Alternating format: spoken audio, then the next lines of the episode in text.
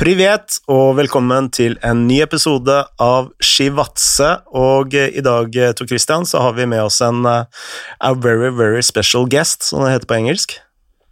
Ja, um, vi, uh, vi, har holdt på litt, bare oss to her, i noen måneder, til glede og fortvilelse. Men litt på grunn av covid og restriksjoner på Hammers hester. Men nå har det åpna seg, og første jeg tenkte på. Eh, både si, før og etter de begivenhetene som har vært de siste ukene. Så det var gjesten vi har her nå. Og det er kongen av skuddfinter, og nei, det er ikke Bojan Sajic? Nei, eh, det jeg husker er jo dribla Baresi ut på Sognsvann. Uh, ja, for det var en, skudd, det var en skuddfinte, eller en sånn lett ja, finta, skuddfinte. Finta ja. Baresi ut på Sognsvann. Det husker jeg fra ganske klart. 91. I 91, ja. ja. Men altså, han gjorde det tre år seinere på Old Trafford òg. Eh, da han eh, Jeg mener å huske det var deg eh, som gjorde det. Så hadde tre skuddfeed på rad og rett opp i nettaket. Da var det ikke Baresi som fikk Da var det ikke Baresi, gjennomgå. Men gjesten vår, det er Lars Bohin, og velkommen til deg, Lars. Takk for det. Ja. Det var... Det var en liten skuddfinte på Borese, men den var ikke voldsom. Nei, men uh, Han ble bortover linja. Ja, han sklei. men du hadde jo veldig sånne subtile finter, uh, husker jeg. Altså, Det var jo ikke sånn at du dro på den der store uh, hoftevrikken når, når, du finta. Det var bare en liten vipp, og så gikk motspilleren enten i pølsekiosken eller på Rema 1000? ja, altså jeg, jeg, jeg, var Jeg må innrømme, jeg var en ok dribler. Altså det, farta var ikke min styrke, men jeg klarte å komme meg forbi folk eh, nok til å kunne løfte blikket og slå noen pasninger òg. Eh, men eh, ja, skuddfinta den fungerer uansett nivå. Mm. Det, det, må ikke glemme å lære bort til de som holder, med, holder, på med fotball i dag. Var det noe du trente mye på på Løkka? og ikke akkurat skuddfinter, men masse. Jeg trente vel egentlig på å ha et så stort uh, finterepertoar som mulig. Uh, og da var skuddfinte er jo noe av det enkleste du kan gjøre, men du må mm. være i balanse når du gjør det, og, og timinga må være god. Og du nevnte Bojan Sajic, han, var, han ble veldig kjent for det. Og jeg husker også at vi, når vi spilte mot, mot Vålinga, så advarte vi mot den, men det gikk på den allikevel. Altså. Ja. Bra. altså Skal vi ta det fra starten, eller Tor Christian? Det er du som legger regien her. Ja. Men ehm, jeg husker jo mine første minner med Lars på Bohinen. Nå var jeg sånn litt ung og dum, da. Fortsatt dum, eller kanskje mange hevder, men jeg var i hvert fall ung eh, da han dukka opp på min eh, monitor. Men var litt sånn Stemmer det at du var litt sånn Kom, du var jo Sveits, eh, og så hadde du et utlån til Lillestrøm. Og det var på en måte det som kicka deg inn i, i landslaget, eller var det Nei, jeg, jeg, jeg debuterte på landslaget eh, under Ingvar Stadheim i 1990, eh, tror jeg det var, eh, på en sånn turnering på Malta. Og så spilte jeg noen kamper der, og Drillo kom jo inn også i 1990, tror jeg, mot Kamerun, hjemme på Bislett, og, og det var den første kampen jeg spilte under han. Uh, og da var jeg fortsatt i Sveits, men jeg var litt skada fram og tilbake når jeg var i Sveits. Uh, uh, men spilte jo den kampen i 91 og fikk noen landskamper før jeg da, som du sier, at det gikk ikke så bra i Sveits. Så jeg, jeg, dro, jeg valgte å dra hjem igjen og dro til Lillestrøm, og da, da er det jo en egen historie hvordan det gikk og endte, men det var i hvert fall gangen i det. Jeg, jeg husker i hvert fall på min horisont så var det sånn at jeg fulgte jo ikke sveitsisk fotball så tidlig, selv om det ikke tok så mange år før det var interessant igjen. Men så var jeg kanskje litt for ikke fullt så informert sent på 80-tallet. Og du spilte jo litt på U21 og var inne der, gjorde du ikke det? Men da husker jeg jo sånn liksom Jeg tror mange med meg var sånn wow, hvor har han her vært? Når du kom inn på landslaget og var liksom mm. Med den teknikken og, og måten du spilte fotball på.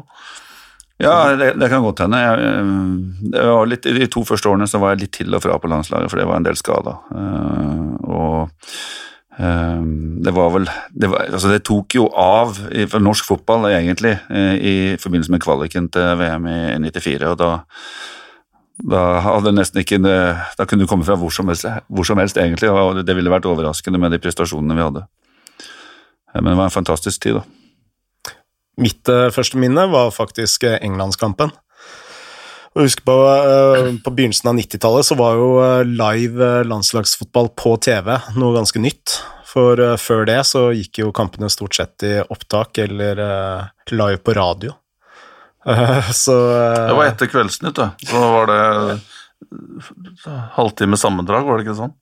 Jo, jeg, jeg, jeg, husker det ikke sjøl. Jeg, jeg, begynte vel kanskje å se landskamper på slutten av 80-tallet, 88-89, og det, jeg husker at det gikk i opptak. Mm. Veldig spesielt.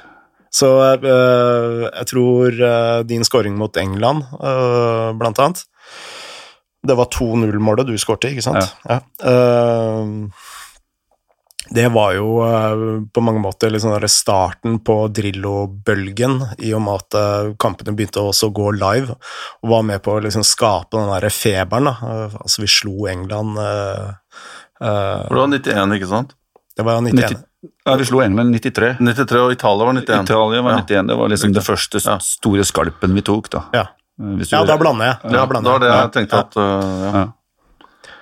Men uansett, den Englandskampen, det var liksom helt starten på den derre feberen, for da, var, da, hadde vi jo faktisk mulighet til å kvalifisere oss og, og eh, til VM i 94. Men det en ting jeg husker med navnet ditt, det var jo at du hadde spilt i Bærum. Eh, og under en trener som jeg også spilte litt under, Tor Berntsen. Ja, stemmer det. Uh, en uh, skikkelig streng kar. Jeg husker vi spilte sånn innendørsturnering i uh, Borås. Så spilte vi mot AIK, og de hadde med masse sånne supportere som så litt skumle ut. Flintskalla hele gjengen. Uh, og da husker jeg en spiller og lurte på hvem han skulle være mest redd av, Thor eller uh, Black Army.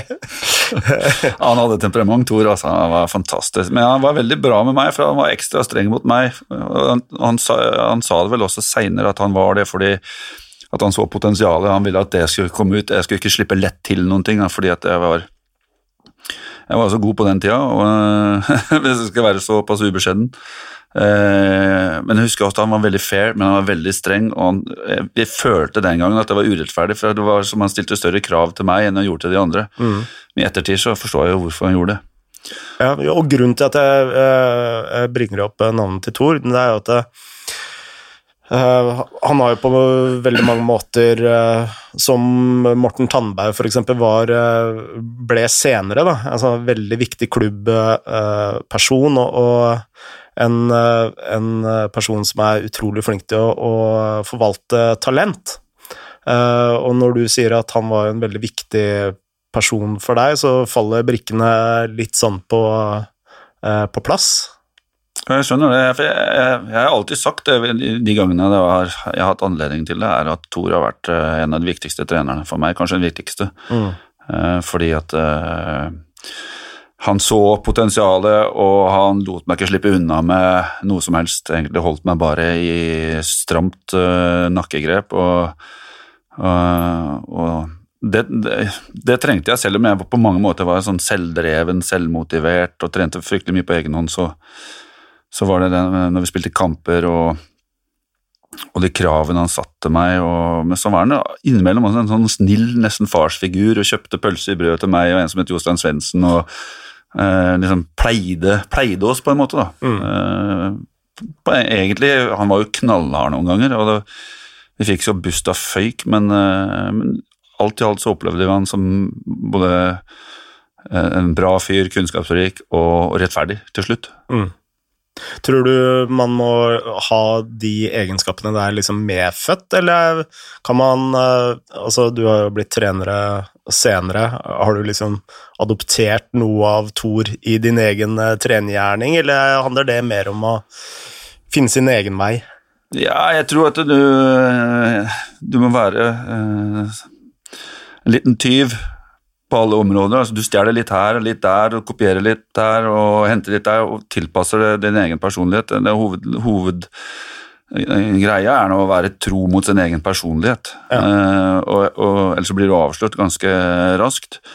Uh, men samtidig kan du hente inn knep og triks og litt sånne ting, og, og hvordan man kan oppføre seg, hva, hva som er gangbar vare, og hva som ikke er gangbar vare. og sånn, Men eh, for Thor sin del, dette var en annen generasjon han vokste opp med. så Den type kjeft som vi fikk av Thor den gangen, mm. når vi var 15, når jeg var 15 nå, 14-15-16 det hadde nok ikke gått i dag, tror jeg, med, med, den generasjonen vi har nå. Så det handler jo også om å, å tilpasse seg tiden du er i. Mm. For uh, de som uh, Vi har jo også lyttere under uh, under 30, under 20 til og med, tenåringer som uh, gir oss tilbakemeldinger og hører uh, på Chivadze. Uh, hvordan definerer Altså, i dagens på en måte fotball, Lars, jeg husker deg som en, på en måte en teknisk spiller, god spillerforståelse, samtidig godt driv med ballen, skudd, avslutninger, god til å komme inn i boksen. Definerer du deg som er det indreløper, eller mer en tier-type, eller litt sånn hvor i dag, hvor, hvordan ville du karakterisert deg?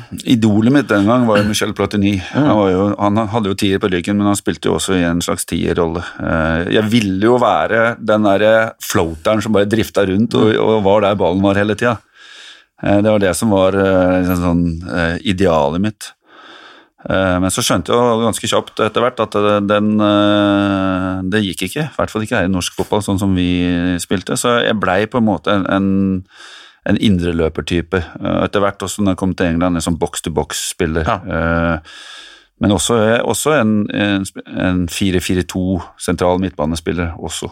Eh, så løpskraften min, det har aldri blitt snakka om, men løpskraften min var faktisk meget bra. Det var jo jeg og Øyvind Leonardsen som hadde det beste O2-opptaket på landslaget. Ja. Uh, Øyvind hadde hak, var hakket hvassere enn meg, uh, husker jeg. Men, uh, men jeg, jeg, hadde en bra løpskraft, så jeg, jeg, fungerte i en sånn rolle. Det, var ikke bare sånn jålerolle og bare skal ballen i beina og ikke gjøre noe mer til slutt, men det var, det var idealrollen min, da, den derre Platini-rollen hvor, hvor, du får ballen hele tida, du er der ballen er hele tida.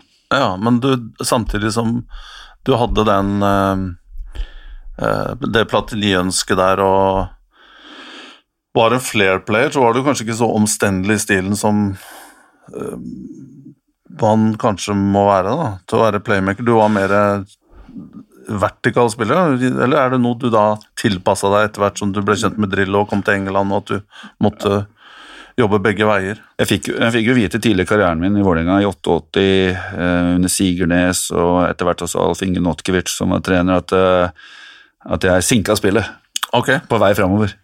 Eh, og jeg var jo den gangen like sta som jeg er nå, så jeg, jeg, var jo ikke enig i det. Men, eh, men, men tilpassa meg mer etter hvert, og når jeg kom til Sveits, så, så, ble det mer framdrift. Mer eh, i lengderetninga og raskere. og Det er jo en konsekvens at du kommer opp på et høyere nivå.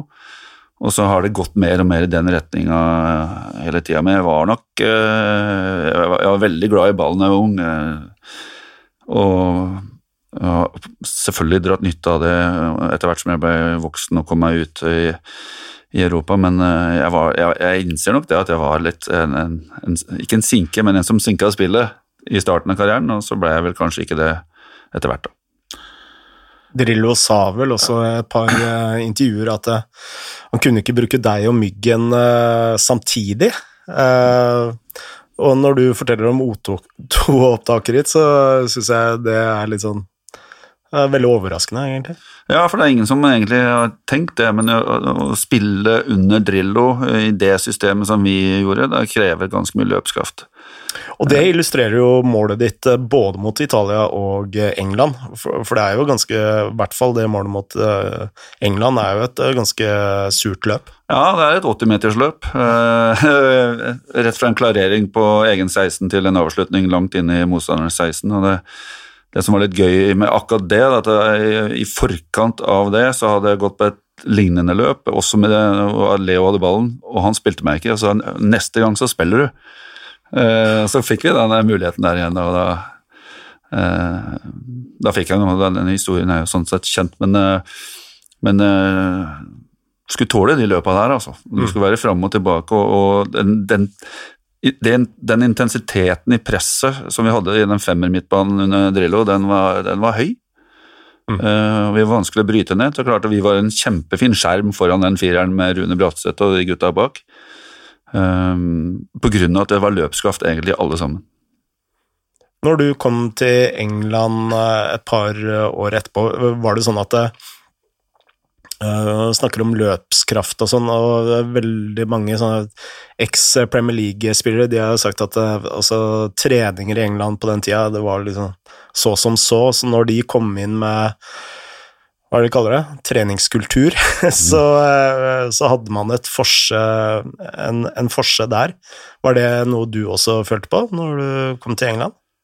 Ja, jeg, jeg, rakk jo egentlig bare to treninger før jeg ble kasta ut i kamp. Uh, og, da, og da, den gangen uh, så var jeg jo det som i dag er championship. Uh, og der er det ekstremt mye kamper, så det blei ikke fri, veldig mye trening, men det blei fryktelig mye kamper, så du fikk fitnessen din opp i kampene. Mm. men etter hvert altså I oppkjøringa så er det jo brutalt. Det mm. var brutalt, det er det sikkert ennå. hvor det løper oss helt ned i senk til du omtrent kaster opp. ikke sant? Så det var beintøft. Eh, men når sesongen kom og kampene kom, så er det kamp, hvile, kamp, hvile stort sett hele tiden. I mm. hvert fall for den elveren som spilte. Og den gangen så var det bare tre stykker på benken. Så du, ble du tatt ut i elveren, så var sjansen stor for at du spilte hele mm. kampen. og det var, det var beintøft i den divisjonen. Det er det, det er det selvfølgelig nå også, men den gangen så var det jeg husker godt at vi spilte både den 26. og den 27. desember. det er helt sjukt. Det er jo ondt. Ondskap. Det var ganske tung i beina på kamp to der, jeg husker jeg. Var det Frank Clark som henta deg? Frank Clark ja. henta meg eh, til, eh, til Nottingham Forest, ja. ja. Og for så vidt var litt sånn dyktig, fremsto som en dyktig mann, da, men fikk liksom aldri helt til Man City, og mm. så ble han borte, liksom. Men det virka som en bra fyr, da. Så, ja, var, for meg var han gull. Han uh, ga meg tillit med en gang, lot meg spille, lot meg få være meg sjøl, uh, i, i, stor grad. Uh, men var også en sånn som av og til, og dette hadde jeg jo ikke opplevd før, jeg måtte stå over en kamp, for jeg måtte hvile. Ja. Det var ukjent materie fra, fra, norsk fotball, hvor du spiller helg-helg og du aldri trenger det. Så det husker jeg at det, tok litt tid for meg å akseptere at uh, selv om jeg hadde spilt godt forrige kamp og laget vant, så måtte jeg stå av. fordi det, det, det handler jo om uh, manage the players, ja. ikke sant? Uh, sånn at du ikke bryter dem ned, og det gjør vi jo i dag òg. Du var jo i tre ganske, i hvert fall for de fleste, ganske liksom, like klubber. Det var Forest Blackburn Derby, er det riktig rekkefølge? Ja. ja. Um, var det Blackburn eh, var det, det, var før Sam Allardyce? Ja, ja, ja. Jeg, hadde, lenge før. jeg kom jo Nei, Da blander jeg Bolton og Blackburn her, ja. men var det Daglish uh, Daglish hadde akkurat ja, gitt seg. Han, han hadde vunnet seriemesterskapet 94-95 uh, og, tok et steg opp. Uh, og så kom assistenten hans, Ray Harford, kom inn.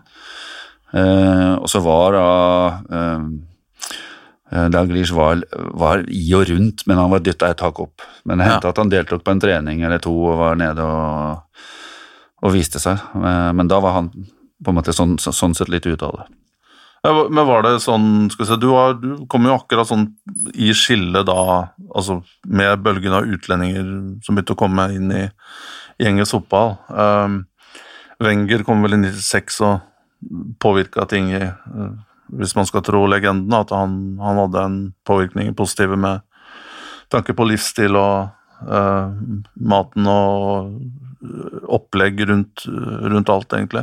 Var kulturen så på en måte vill og destruktiv som det man forteller om, eller var det mer 80-tallet og 70-tallet, eller var det fortsatt deler av Destruktiv var den jo kanskje ikke. Det hadde ikke gått i dag. Det mange holdt på med da Hodgson kom inn i Blackburn og jeg var der, også hadde med seg den der eh, profesjonaliteten og treningsmetodikk og alle sånne ting. Men det var jo episoder der som du, eh, eller ting spillerne holdt på med som, eh, som man ikke gjør i dag, blant annet. Altså, uten å nødvendigvis nevne hvem, da, men når det kommer spillere inn på rommet mitt dagen før kamp og allerede tømt sin egen minibar og skulle ha Mino det, det er litt der eh, det var. og Uh, ja, Litt sånn andre type utagerende ja. oppførsler som vi, som vi, egentlig ikke så, så, vet jeg jo at det gikk nok verre for seg i London og, enn det gjør på en måte i Nottingham, men det ja. uh, av tilbudet man har og, og at London er London osv. Men det var, eh, det var historier der som uh, ja, ja, de tåler dagens lys, men eh, kanskje ikke i dag. Jeg husker jo, jeg bodde jo jeg bodde jo i London, og, eller flytta dit i 96, og sånn på slutten av 90-tallet så var jeg jo litt ute i London eh, og hang litt på disse Café de Paris Café de Paris ved Piccadilly Circus der, ikke sant?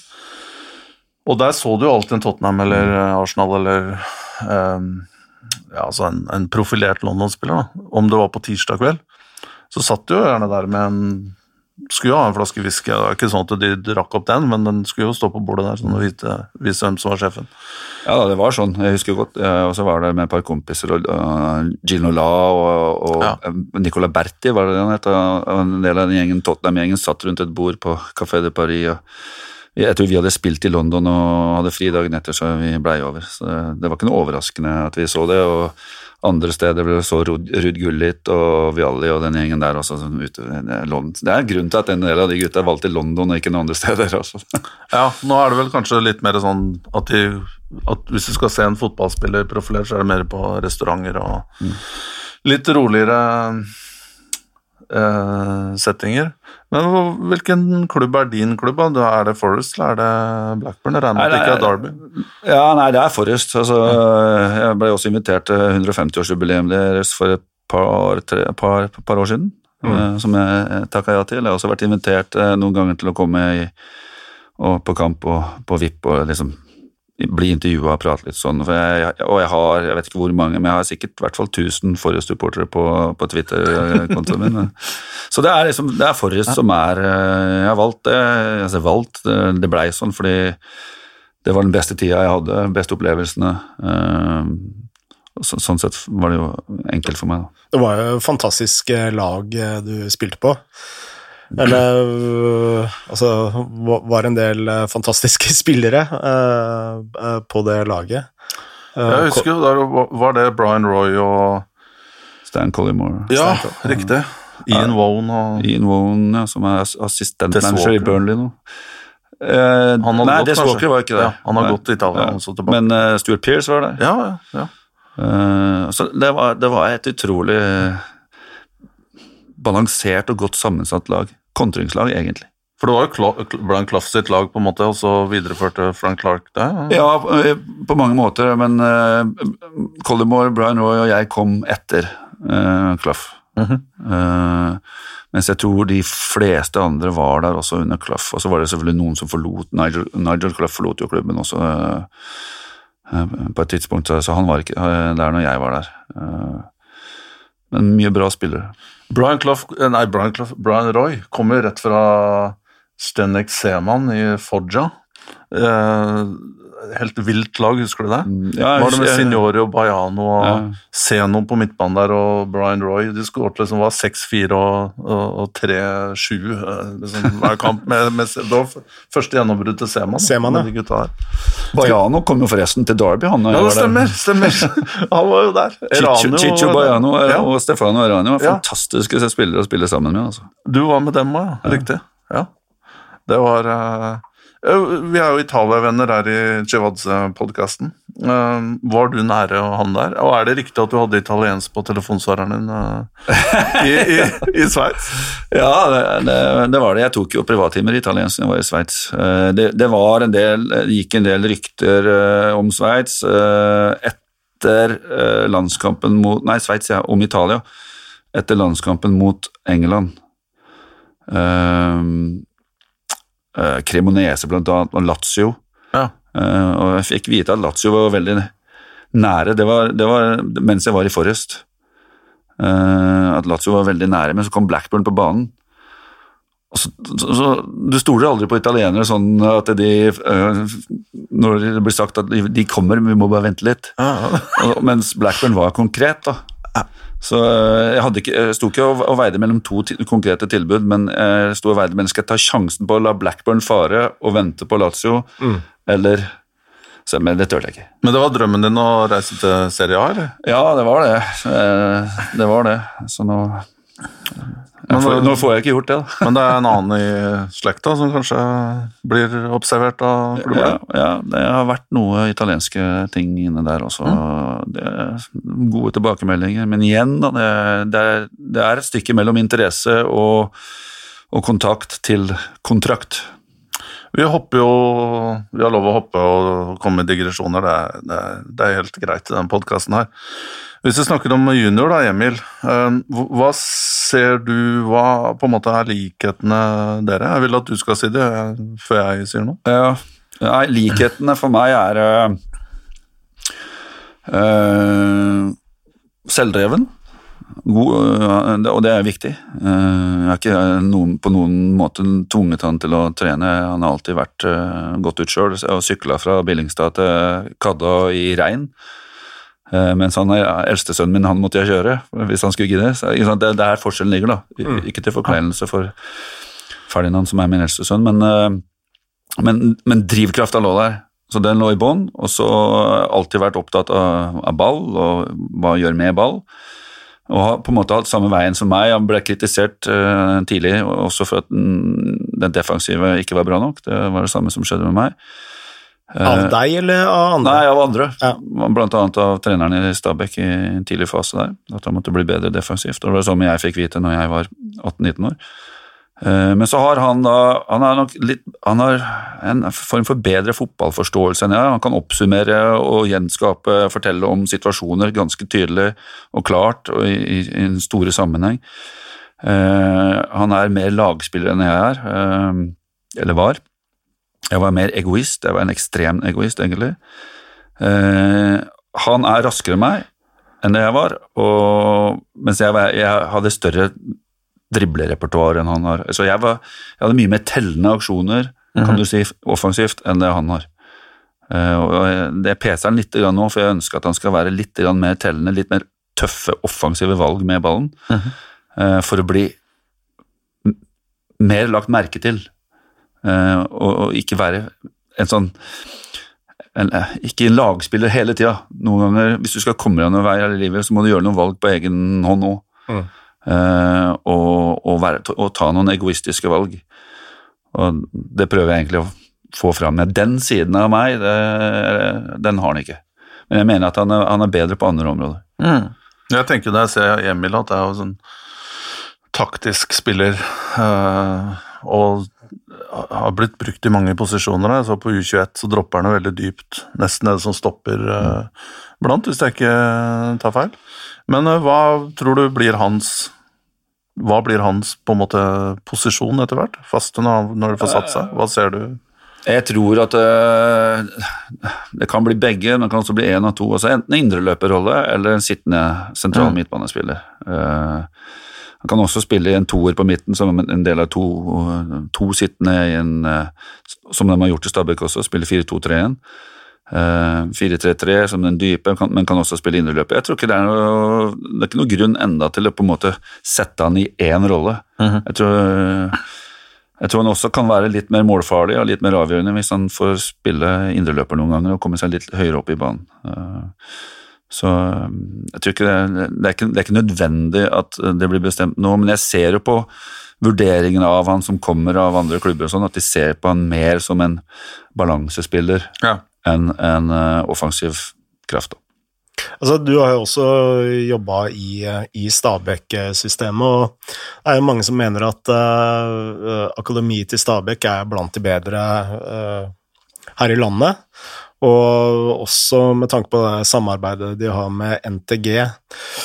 Og når du snakker om at Emil er så fotballklok, så en ting som går igjen uh, litt på disse spillerne som har gått gjennom akademiet til Det er jo at de er veldig velutdanna, sånn fotballmessig. De er veldig velutdanna. Og det Altså, grunnen til at jeg nevner det, jeg leste et intervju med Ralf Ragnhild, eh, som mente at eh, en av de største utfordringene til tysk fotball da, er at de har for mange akademispillere, og at man uh, dyrker veldig lite det du uh, nevner her, da, om eh, altså spillere som tør å ta risiko fremover, som bruker mer fysikk og, og er mer uforutsigbare. Da, at man ikke gjør det samme som man uh, uh, ofte gjør da, når man lærer en uh, riktig måte. Og, og der har det jo of, Løsningen på det har jo ofte vært å, å, å hente noen nigerianere eller som gjør det, det uventa. Bryte mønsteret. Ja, bryte mønsteret. Tror du det kan være en sånn utfordring for ikke bare norsk fotball, men altså framveksten av sånn type akademifotball? da, At man mangler litt det du etterlyser?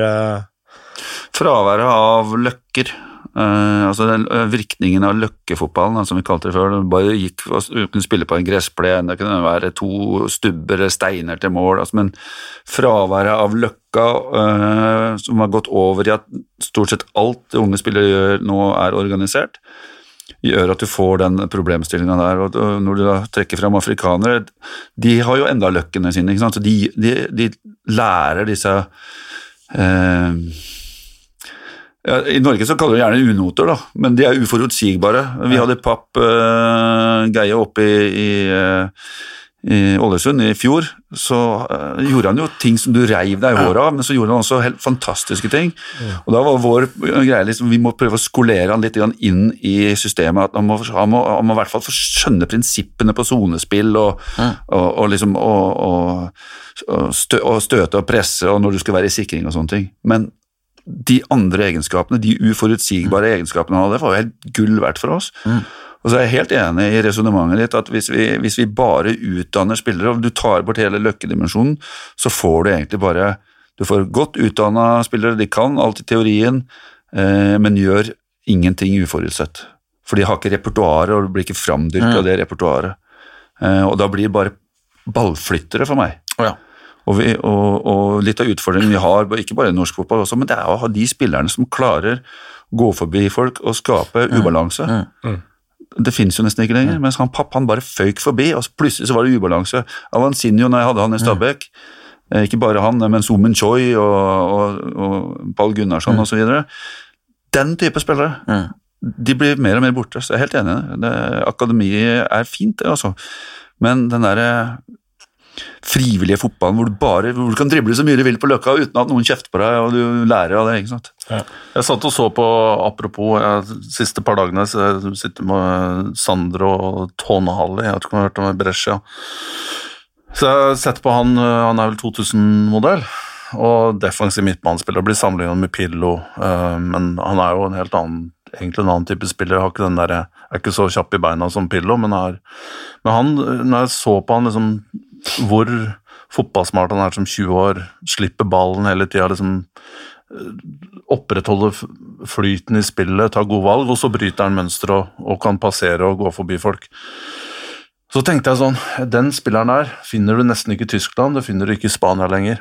For de er så polerte og så på en måte eh, oppmerksomme på å spille innenfor et mønster. da.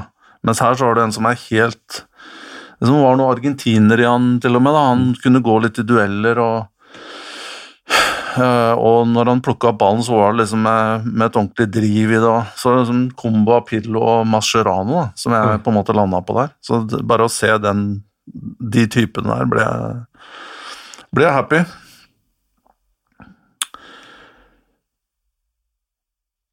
Ja. uh, Jeg er helt enig, altså, øh, men i, øh, i, en norsk kontekst så er det vel ofte Groruddalen og Holmlia vi må se til, altså de, øh, de områdene som ikke har råd til å gå på akademi? Ja, altså, så vet jeg ikke i hvilken grad f.eks. Jens Petter Hauge er en akademispiller, men han virker i hvert fall for meg som en som har uh, uh, dribla litt utenom fotballtreninga. For, dribler du ja. for mye på fotballtrening, så blir du gjerne plukka av deg fordi du gjør feil og du får kontringer imot. Men, eh, men, han er en sånn type spiller som, som, har et repertoar og en fart som gjør at han kan skape ubalanse. jeg tror vi må være mye flinkere til å, å, å, på en måte hylle de og la de gjøre sine feil på veien, og, og, og dyrke de. Eh, så skal det alltid være en balanse i disse tingene her, men, men, for å få et godt balansert lag, så trenger du den type spillere, og vi må dyrke de fram. Apropos uh Jens Petter Hauge, dere hadde jo han på lån i fjor, i Ålesund. Eh, hadde du forventa at han kom til å eksplodere sånn som han har gjort?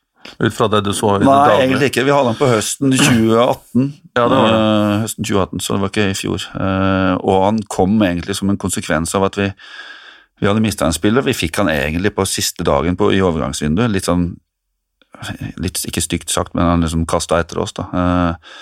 Eh, eh, og jeg kjente jo til han gjennom, for han var også på samme landslag som Emil. Uh, altså, synes det var en interessant spiller, men vi henta han heller ikke for at han skulle løfte oss, vi henta han for at vi skulle ha en som kunne komme inn og gjøre noe annerledes. Uh, så blei det veldig lite spilletid på han, dessverre. Uh, for vi begynte å tape kamper, og da så ikke jeg på han som en spiller som skulle snu det eller bære ansvaret for at OFK skulle rykke opp, så det blei egentlig altfor lite fotball på han, men samtidig så lærte han fryktelig mye, mener både Andrea og jeg, hos oss, og blei en sterkere type når han kom tilbake til, eh, til Bodø-Glimt, så hadde han mer i bagasjen enn han kanskje ville fått. Flytta for, eh, seg sjøl for første gang, lærte seg å leve alene for første gang, finne, eh, skli inn i et nytt miljø for første gang osv. Så, videre. så de tinga der har han tatt med seg, men at han, at han skulle komme så sterkt, det, det er vel kanskje ingen som har sett, annet enn kanskje Kjetil Knutsen og Ja. gjengen i Bodø. Eh, altså, uh, etter uh, spillekarrieren din, så din inngang inn i toppfotballen er jo egentlig inn som sportsdirektør, eller først assistent. Og en ting jeg har jo ofte sagt til Tor Christian, som er selvsagt helt uenig i, altså sportsdirektørrollen er vel kanskje den kjedeligste rollen i, i, i, i fotballen. Hva tenker du om det? Nei, altså jeg syns egentlig ikke den er kjedelig, da. Ehm, Den er, eh, den er kjedelig i den forstand at du må tenke så lange linjer. Eh, Du ser ikke eh, fruktene av arbeidet ditt for kanskje et år, to, tre år seinere. Mens du, det var det som var den store brekkstanga for meg fra å gå fra sportsdirektør til trener, at jeg, jeg var sugen etter det ukentlige resultatet. Eh, Men jeg trivdes veldig godt eh, både i, i Vålerenga og i Stabæk eh, som sportsdirektør i forhold til å være med å bygge klubb og bygge lag og få forståelsen av helheten, og det har jeg dratt nytte av som trener også. Så, men, men det ble ikke nok sagmugg for meg, eh, egentlig. Eh, men eh, jeg kan godt tenke meg å gå inn i den rollen igjen på et senere tidspunkt, men kanskje ikke akkurat nå. Hva var den store forskjellen på å være sportsdirektør i en klubb som Vålerenga og Stabæk? Eh, eh, man sier jo det at når man jobber i Vålerenga, så er det, det er som tre år i en annen klubb. Altså, det skjer fryktelig mye, og det er mye press og trøkk rundt eh, det. Det er mye interesse, det er mye eh, eh, nær sagt fraksjoner rundt klubben som utøver press og har meninger og eh, Stille, stille hender? Ja. Ja. Uh, det, men det er klart, vi var sterke den perioden da, med, med Kjetil Sie, med Rekdal, eh, meg og Geir Bakke. Så mye av det der støyen der blei borte, eller vi ignorerte det, og så hadde vi jo resultater med oss. Eh, mens i Stabæk så er det selvfølgelig mye mer ro, men vi hadde også et knallbra lag der. Da. Vi vant jo både gull, sølv og bronse der òg. Så, så det å liksom skrive, lage en sportsplan, inkludere alle Eh, få den opp og gå og etablert og, og forankra i klubben og, og drive klubben videre på et, eh, på et, til et bedre nivå. Da. Eh, det syns jeg faktisk var eh, utrolig givende, men igjen, da, så Du blir en sånn bakgrunnsfigur som eh, ja, ikke, Du er ikke helt nede på sagmuggen, altså. Det, det, jeg, det savner jeg veldig. Tror du, du, eh, tror du hadde fått lov til å Eller dette ble jo hypotetisk, men det laget dere bygde i, i Stabæk, som vant tittelen, eh, som du sier, i 2008 8, Ja. Eh, kun, er det realistisk å på en måte bygge et sånt lag i Vålerenga? Altså, hadde, eh, hadde Vega Pall Gunnarsson og Lanzini og, og, og ja, Pontus Farner er han hadde jo gått inn på hvilket som helst lag, men hadde disse spillerne som var litt sånn Dere så ting i dem, øh, måtte mm, passe inn i et format som dere lagde. Får man, får man tid til det, Vålerenga? Eller Ja, det gjør jo det, for vi gjorde det i 2004 og 2005. Eh, men det, det, alt handler om, det vet du eh, minst like godt som meg, at alt, alt handler om spillelogistikk og økonomi. Men først og fremst spillelogistikk, fordi at du kan være fryktelig god på det med lite penger, og du kan være fryktelig dårlig på det med mye penger. Så det å, å, å plukke de riktige spillerne, få satt opp et balansert lag eh, basert på en filosofi som treneren eh, har og ønsker, det er, jo, det er, jo, kunsten. Det er det som er det, det, det vanskelige i det, å, å treffe på eh, Ikke bare på enkeltspilleren, men på hele, hele sammensetninga og balansen av laget.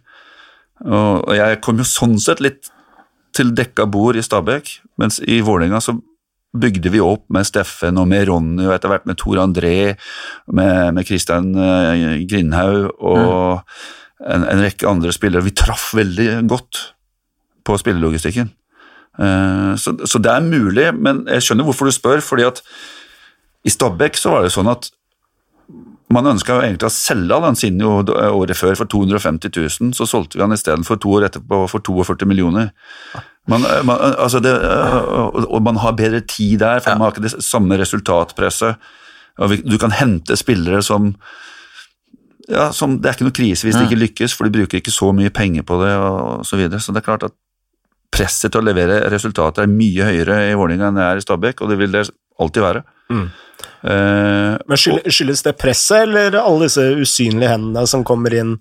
Altså, Vi har jo snakka med veldig mange trenere rundt klubben, og alle sier det samme, at uh, noe av utfordringen i den type klubber da, det er at det er så masse fraksjoner. altså Du har fraksjoner i styrene, og så har du ulike styr, og alle mener ulike ting. og Jeg husker jeg var konsulent på biografien til Kjetil Rekdal, og, de, og dette var ikke noe stor sak i den boka, men jeg bare husker at eh, Geir Bakke ble dratt inn på et styremøte eh, for å skulle sjekke om han egentlig var god nok til å være assistenttrener, mens eh, i hvert fall ifølge boka, da, så hadde Kjetil Rekdal sagt at nei, jeg vil ha Geir Bakke, men likevel så måtte han inn på det forbaskede styremøtet og ja, det er masse, masse historier om styremøter i Vålerenga opp gjennom tida. og 16 stykker i styremøte, og alle skal ha, sitt å si om kjøp av en spiller, eller eh,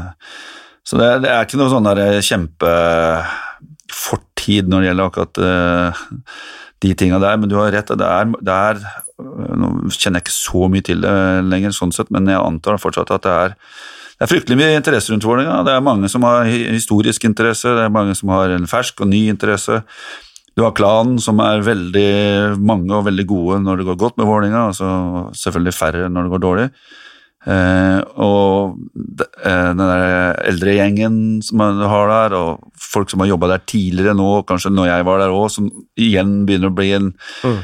Ikke en maktfaktor, men en meningsbærer, og liksom alle disse tinga er i tillegg til, eh, til klanen og forventningene til klanen uh, som gjør at Og ikke minst også uh, Oslo pressen og um, Ja, det er, det, er, det er, press fra alle Det er forventninger, og det er press eh, fra alle kanter, egentlig. Jeg merker jo det også når jeg var i Sandefjord, så det er som å jobbe Altså, det er stille og rolig, fredelig, det er ingen som egentlig bryr seg så fælt. og jeg klarte jo å få ny kontrakt selv når vi rykka ned. Ikke sant? -hmm. det, er liksom ikke, det, er ikke, det samme Det er ikke nærheten av det samme trøkket. Mm. Nei, og jeg, tenker jo ofte at Du hører jo i dag altså, spillelogistikk, som det så fint heter i Norge. Det er jo noe alle har meninger om, og det er jo en del av det som er moro med fotballen, at alle har meninger om det, og det sier jeg ikke fordi det er en klisjé, men det mener jeg faktisk, og det er den der emosjonen og driven der som gjør at jeg blir interessert i fotball, og som gjør at jeg er interessert i å være en del av det. Mm. Eh, hvis alt blir Excel-ark og algoritmer og og statistikk, så er jeg, melder jeg meg ut, i hvert fall. Da finner jeg heller på noe annet. Men og, Så alle har jo meninger om det her, og det er på en måte Alt blir servert foran på et teater som alle eh, har uh, første rad. da. Og så sier man, jeg hører jo nå ja, RB Leipzig, RB-systemet, fantastisk hvordan de jobber. Fantastisk spillelogistikk, ja, absolutt, men husk på at dette er bygd fra omtrent en parkeringsplass, mm. og du får lov å gjennomføre absolutt alle de grepene du ønsker å gjøre. Og du starta i fjerde Altså Leipzig var det fjerde eller fjerde nivå. Fjerde nivå. Mm. Og du har fått lov å bygge fra scratch. Og du får lov å bygge akkurat den kulturen du ønsker og de virkemidlene du vil ha, og du får lov å liksom, du, du slipper å gå gjennom masse ledd med kom, masse kompromitterende ledd før du tar avgjørelser. Ikke noe press. Da er det mye enklere. Uh, enn en Premier League-lag da, som Everton. Jeg var i, satt i stolen der du sitter nå, Lars, for et par dager siden og snakka om Everton. Og for meg så er det, det er nesten en umulig oppgave. Alle forventer resultater. Og alle forventer store navn, men så har man ikke grunnleggende altså kulturen og, og alle disse andre faktorene på plass. Så det blir liksom bare en sånn hamsterhjul og loop du går inn i hele tiden for å klare å tilfredsstille omstendighetene. Så det er mitt uh, Ja, er, jeg er helt enig i det. og det, det er det som er vanskelig, men eh, samtidig så er det det er mulig å, å gjøre det og Det er mulig for Brann å gjøre det, selv om det, liksom, det er vanskelig, for du har kortere tid. Uh, eh, og du har nesten ikke tid til å, som trener i hvert fall, bygge kultur lenger. Du skal bare ha resultater med en gang. Mens i, i Sandefjord så hadde jeg tid til å bygge kultur. Kunne ta det egentlig ganske med ro. og, og eh, jeg, skal, jeg, jeg fikk jo ikke det jeg ville, for det, der var det jo ikke penger i det hele tatt. Men vi var flinke til å hente med de, vi, de små midlene vi har, men du får gjøre det i fred og ro. Og det er eh, Det er ingen som henger over nakken på deg der hvis du eh, taper en fotballkamp, eller, eller, eller på en måte en spiller som du har henta inn, ikke leverer Uh, ja, etter én kamp. etter en kamp. Ja. Men, men press er jo én ting. Men eh, jeg har ofte tenkt at kanskje et større problem, det er uklare ansvarsforhold.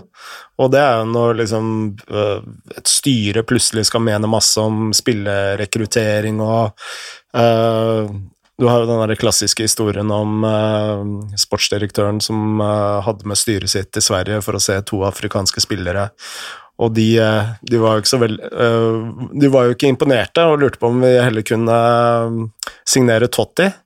Eh, Ja, ja. Det er, Du, du, har et poeng, du har et poeng der. For jeg husker, altså, det, det må være korte kommandolinjer. Det må være tett relasjon eh, mellom de, altså de, eh, bestemmende myndigheter, hvis jeg skal si det, altså mellom trener, eh, sportssjef, daglig leder, styreleder. Mm. Det opplevde jeg både i Vålerenga den gangen og når jeg var i Stabæk, at de relasjonene var der. Mm. Og det mener jeg er helt ekstremt avgjørende for eh, at ting skal kunne gå fort, at, at man har forståelse og man har respekt for roller, og ikke blande, blande for mye. Ja. For styrene i norsk fotball de er besatt av veldig mange forskjellige mennesker, som, hvor veldig mange ikke egentlig kan noe om fotball. ja. Uh, så uh, Derfor er det så viktig at det er, det er sterke relasjoner eh, mellom de, de avgjørende, de som har det avgjørende ordet. Og, det, og som jeg sa, jeg opplevde det var sånn i Vålerenga, jeg opplevde det var sånn i, i Stabæk. Og det, det må ligge til grunn hvis du skal lykkes. Det er ikke sånn at du bare Om jeg hadde kommet til Stabæk, og de hadde hatt det samme laget, eh, men, men eh, kulturen eh, hadde vært annerledes, eller eh, det som jeg faktisk opplevde da, i, når jeg kom som sportsdirektør i Stabæk, var at det var en kultur der med at spillerne gikk forbi trener og sportsdirektør og gikk rett til styret og snakka med styremedlemmer, og så kom det tilbake derfra. Og Det var en av mine første oppgaver, jeg måtte endre den kulturen øh, for å få styret til å forstå at ja, det er artig å snakke med spillere og liksom være en ære og, og liksom få høre det første, øh, men det må være en gang i det. Mm. Eh, Så det, jeg husker jeg ble- blei litt upopulær i spillergruppa i Stabæk i begynnelsen, fordi at jeg, de, der, de tingene der kunne ikke få fortsette. Mm. Hvis, vi skal, hvis vi skal bli en klubb som, eh, hvor, alt, hvor tingene henger sammen. At du var en militari militarilist, som det heter. Det, er litt overraskende. Jeg føler jo at eh, der er jo Lars inne på noe veldig eh, interessant. Jeg har vært litt i samme skvisen sjøl og gjort meg upopulær. Um, og jeg, min, min konklusjon Uh, Og dette er på en måte ikke jeg det, Dette er ikke ferdig snakka, og jeg har ikke snakka så mye om det, men uh, jeg i, i start, så jeg kom jo fra registeret av liksom veldig klare linjer og andre land før det, ja. som Lars sier, som også har spilt i utlandet. Og så var min idé at eh, jeg, liksom I Norge så ser du liksom at det er fryktelig flat eh, struktur på alt, og alle mikser med alle, og etter kamp så var det Og dette, dette er ikke som sagt en forkleinelse for noen, og, Og det er sikkert grunner til at det var sånn, men så kommer de inn i garderoben etter en kamp hvor man har spilt uavgjort og man skal være misfornøyde, så er det liksom plystring og Unger til spillerne driver og leker på gulvet og, og, og sånn, og liksom før spillerne kommer inn i garderoben, ligger Lego omtrent på gulvet. Og, og, etter en seier så er liksom hele, hele klubben er inne i garderoben. Og da var det sånn, i hvert fall mitt utgangspunkt, at dette her er veldig rart. Mm. Uh, men så gikk kanskje jeg litt fort fram og skulle begynne å eh, liksom Kanskje litt på, på, min måte, da, at jeg skulle forandre ting veldig, veldig fort. da. Men min konklusjon etter, etter eh, Jeg følte i hvert fall at jeg fikk ikke med mange på det På at på bussen til turer du skal ikke, Spillerne og ikke ledere, ikke jeg engang, skal ikke være med på den bussen. Eh, trenerne, spillerne, nok.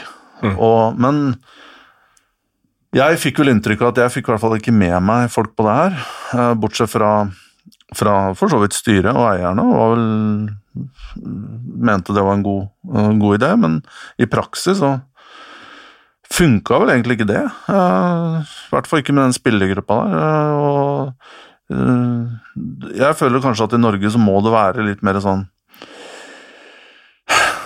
åpent, og at det er Kos?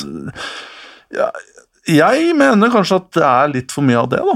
Mm. Men uh, jeg vet ikke, Lars. Ja, jeg, jeg, hadde samme, en del av de samme utfordringene i, i Stabæk. Uh, hvor jeg også gikk inn og ville ha endringer til det som jeg mente var profesjonell måte å gjøre ting på. Uh, som, som innebar en del forandringer for en ganske sterk spillergruppe. Og, eh, og, fikk jo det i, i ansiktet litt seinere. Kom oss forbi det, overlevde det. Eh, ekstremt nyttig erfaring for meg. Eh, men jeg mener fortsatt, jeg har den, den oppfatningen at jeg hadde de riktige synspunktene på hvordan ting skulle være, og hvordan ting ikke skulle være i en, i en godt drevet klubb. Eh, så er det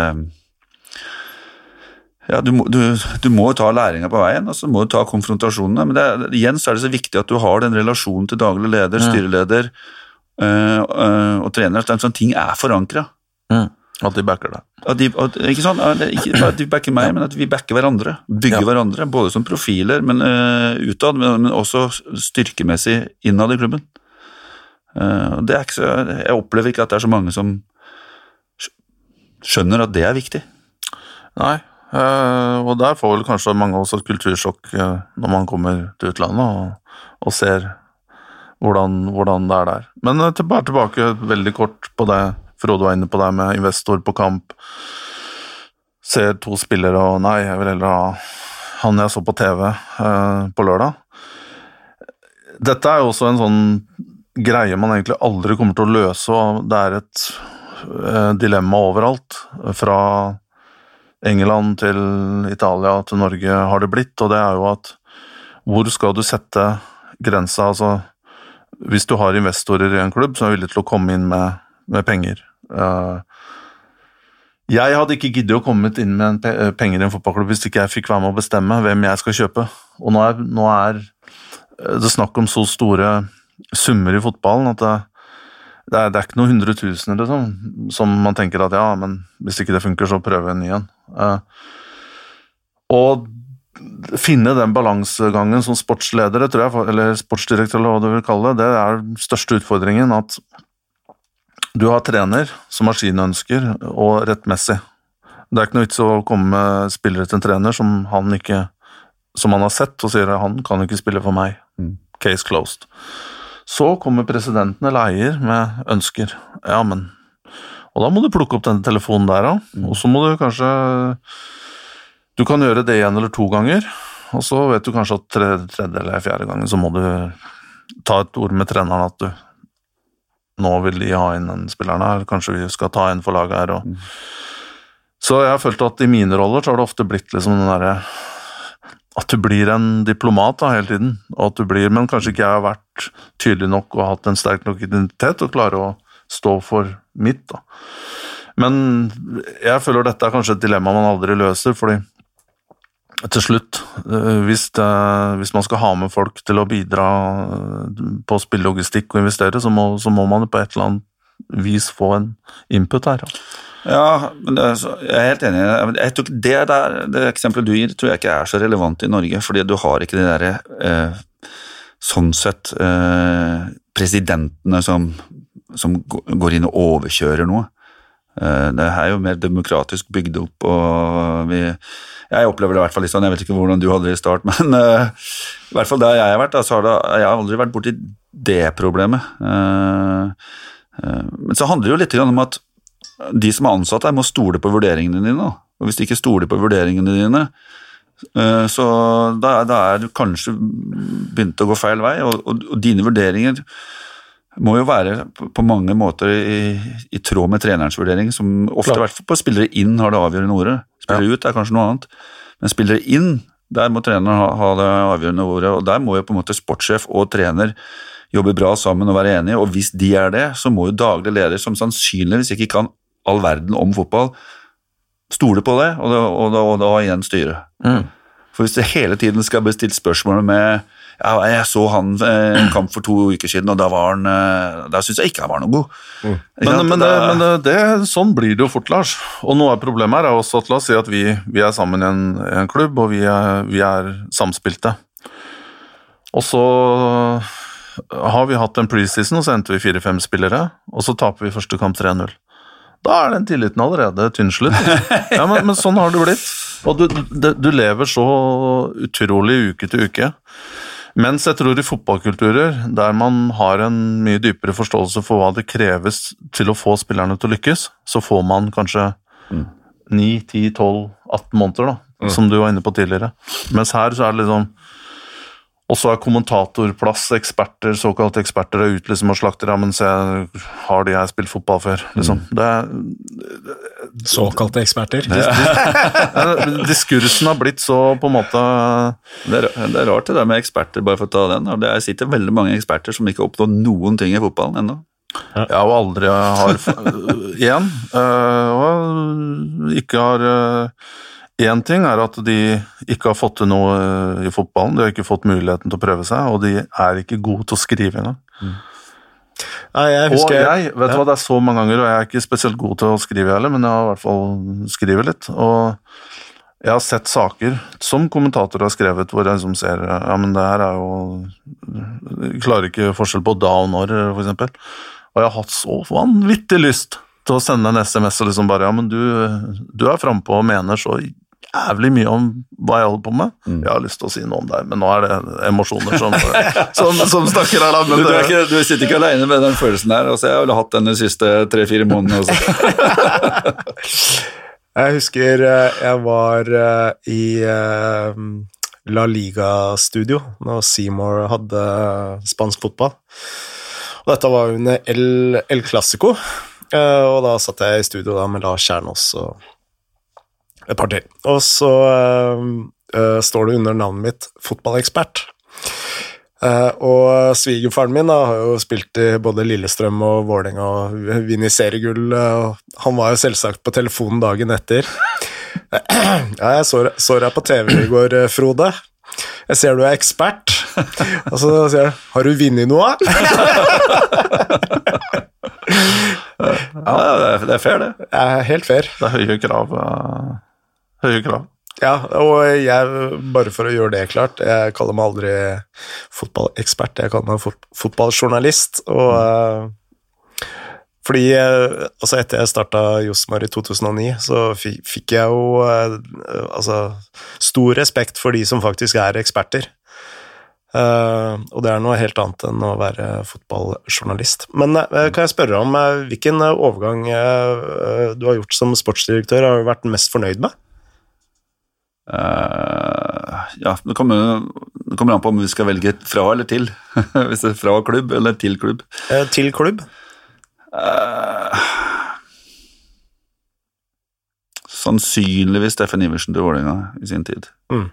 Ja, for det var et skup. Ja, han, han, var på en måte katalysatoren for hele 24, eller 2004-2005, suksessen vi hadde. Eh, både med kvaliteten han dro med seg som spiller, eh, men også den derre suverene lekenheten, avslappetheten eh, og, gjøgleren, eh, kortspilleren. Eh, eh, han, han tok med seg eh, både kvalitet og, Vodka Battery. og, ja, og kultur inni garderoben. da. Ja. Eh, og, Samtidig så var han ikke så eh, fjasete at han tillot at eh, det ble slurva på trening, f.eks. Ja, for han hadde jo et enormt vinnerinstinkt. Ja, ja. helt ekstremt. Så, uh, Zoomen Choi var jo også et skup. 1,5 million fra Odd den gangen. Mm. og var jo helt, helt hadde nøkkelrolle i forhold til å ta seriemesterskapet i 2008 med Stabæk. Så, så har det vært noen, men, men Steffen er vel kanskje det som er, er artigst å tenke på. eh, For det var jo liksom, det lå ikke i lufta, det. altså. Det var... eh, da, da var vi i en tid hvor vi følte at vi, i Vålerenga vi, vi kunne nesten få til det vi ville. Mm. Eh, og så, sant, så kom Ronny Johnsen, og, liksom, og, så kom Tor André Flo, selv om han ikke ble noe suksess sportslig, så viste det styrke og, og evne eh, som, eh, som ingen andre klubber hadde på det tidspunktet. Da. Ja. Jeg var jo på de fleste kampene til Vålerenga på den tida der, og en spiller jeg syns det var vanvittig fascinerende å se på, det var jo Ronny Johnsen. Det var sånn, Du så at han egentlig bare spilte på 70-80 pros, men han var mye altså han var mye smartere enn alle andre. Du så at han hadde spilt fotball på et helt annet nå, altså bare den der lille dunken før en uh, hodeduell. Akkurat for lite til at dommeren uh, kan blåse, men akkurat nok til at eh, eh, han vant den duellen. da. Det var var, fascinerende å se på. Ronny for meg har alltid vært sånn. Han har og dette er ikke vondt ment, men han har aldri gjort mer enn det han behøver å gjøre. Men han, han har alt, alltid hatt kontroll. Jeg føler jeg også når han spilte stopper i United og liksom Jeg føler vel egentlig, selv om han har vært på det nivået at han var, at han kunne vært enda bedre. Mm. Men han trengte ikke gjøre noe mer enn akkurat det han trengte å gjøre i den og den og den situasjonen. Så da gjorde han det han trengte å gjøre. Og det er jo, dette er på et høyt nivå, altså. Mm. Uh, han var en meget bra fotballspiller. Hvis vi går tilbake til uh, det er sånn prosesser innenfor fotballen som uh, man aldri blir klok på, det er det egentlig Desto mer jeg og vi sitter her med gjester, og mer man tenker over ting, mindre sikker blir man. Jeg har i hvert fall tatt med meg veldig mange erfaringer fra en og andre jobb og land og sånn, og så håper man kanskje etter hvert at man eh, kan innkooperere det da, i, i, i karrieren videre. Um, og det er jo en ting jeg eh, altså, Bare høre hvordan, hva du tenker rundt det. Um, vi var jo samme divisjon i fjor, uh, og uh, dere fikk jo Var det over 90 poeng, eller? Var det Nei, da har vi 80? Og 80 79. 79, ja, nesten 80 poeng. Og eh, nesten uslåelig. Um, og uh, alle tippa jo Ålesund eh, høyt opp, og um, uh, Hvordan, på en måte, fra et så utrolig solid lag og en så vanvittig sesong, hva Hvordan hva, Hvilke refleksjoner gjør man når det butter, da, sånn som det gjorde i år? Altså, Er det for tidlig ennå til å prosessere det, eller er det Ja, det, det er vel egentlig ikke det. Eh, vi hadde i 2019 altså, det er Klart det er ett nivå ned, men vi hadde et veldig godt balansert lag, og vi hadde eh, spillere som kunne gjøre ting på egen hånd. Eh, Papp Gay, eh, Aron Trandarsson. Eh, vi hadde nøkkelspillere tilgjengelig stort sett hele tida, og når vi ikke hadde de tilgjengelig, så var vi flinke til å skaffe nye. Eh, Blant annet når Fredrik Karlsen ble skada, så fikk vi tak i en som heter Izuna Ushushukwu, som kom fra Kina, men som hadde da 150 kamper i, i dansk eh, superliga, og, og var en voksen, moden fyr, og kom inn og fylte den luka. Eh, mens vi da, når vi da rykka opp, så klart at vi rykka jo opp med, med en tro på at dette skulle bli veldig bra. Eh, Men så blei økonomien mye dårligere enn det vi hadde, i hvert fall fra sportslig hadde tenkt. Vi, vi begynte jo å snakke om skal vi hente Valsvik fra Rosenborg og, eh, og, og, og liksom kikke på det nivået. Mm. Fordi at vi trodde at vi skulle få litt mer økonomi i, inn- enn det som ble realiteten til slutt.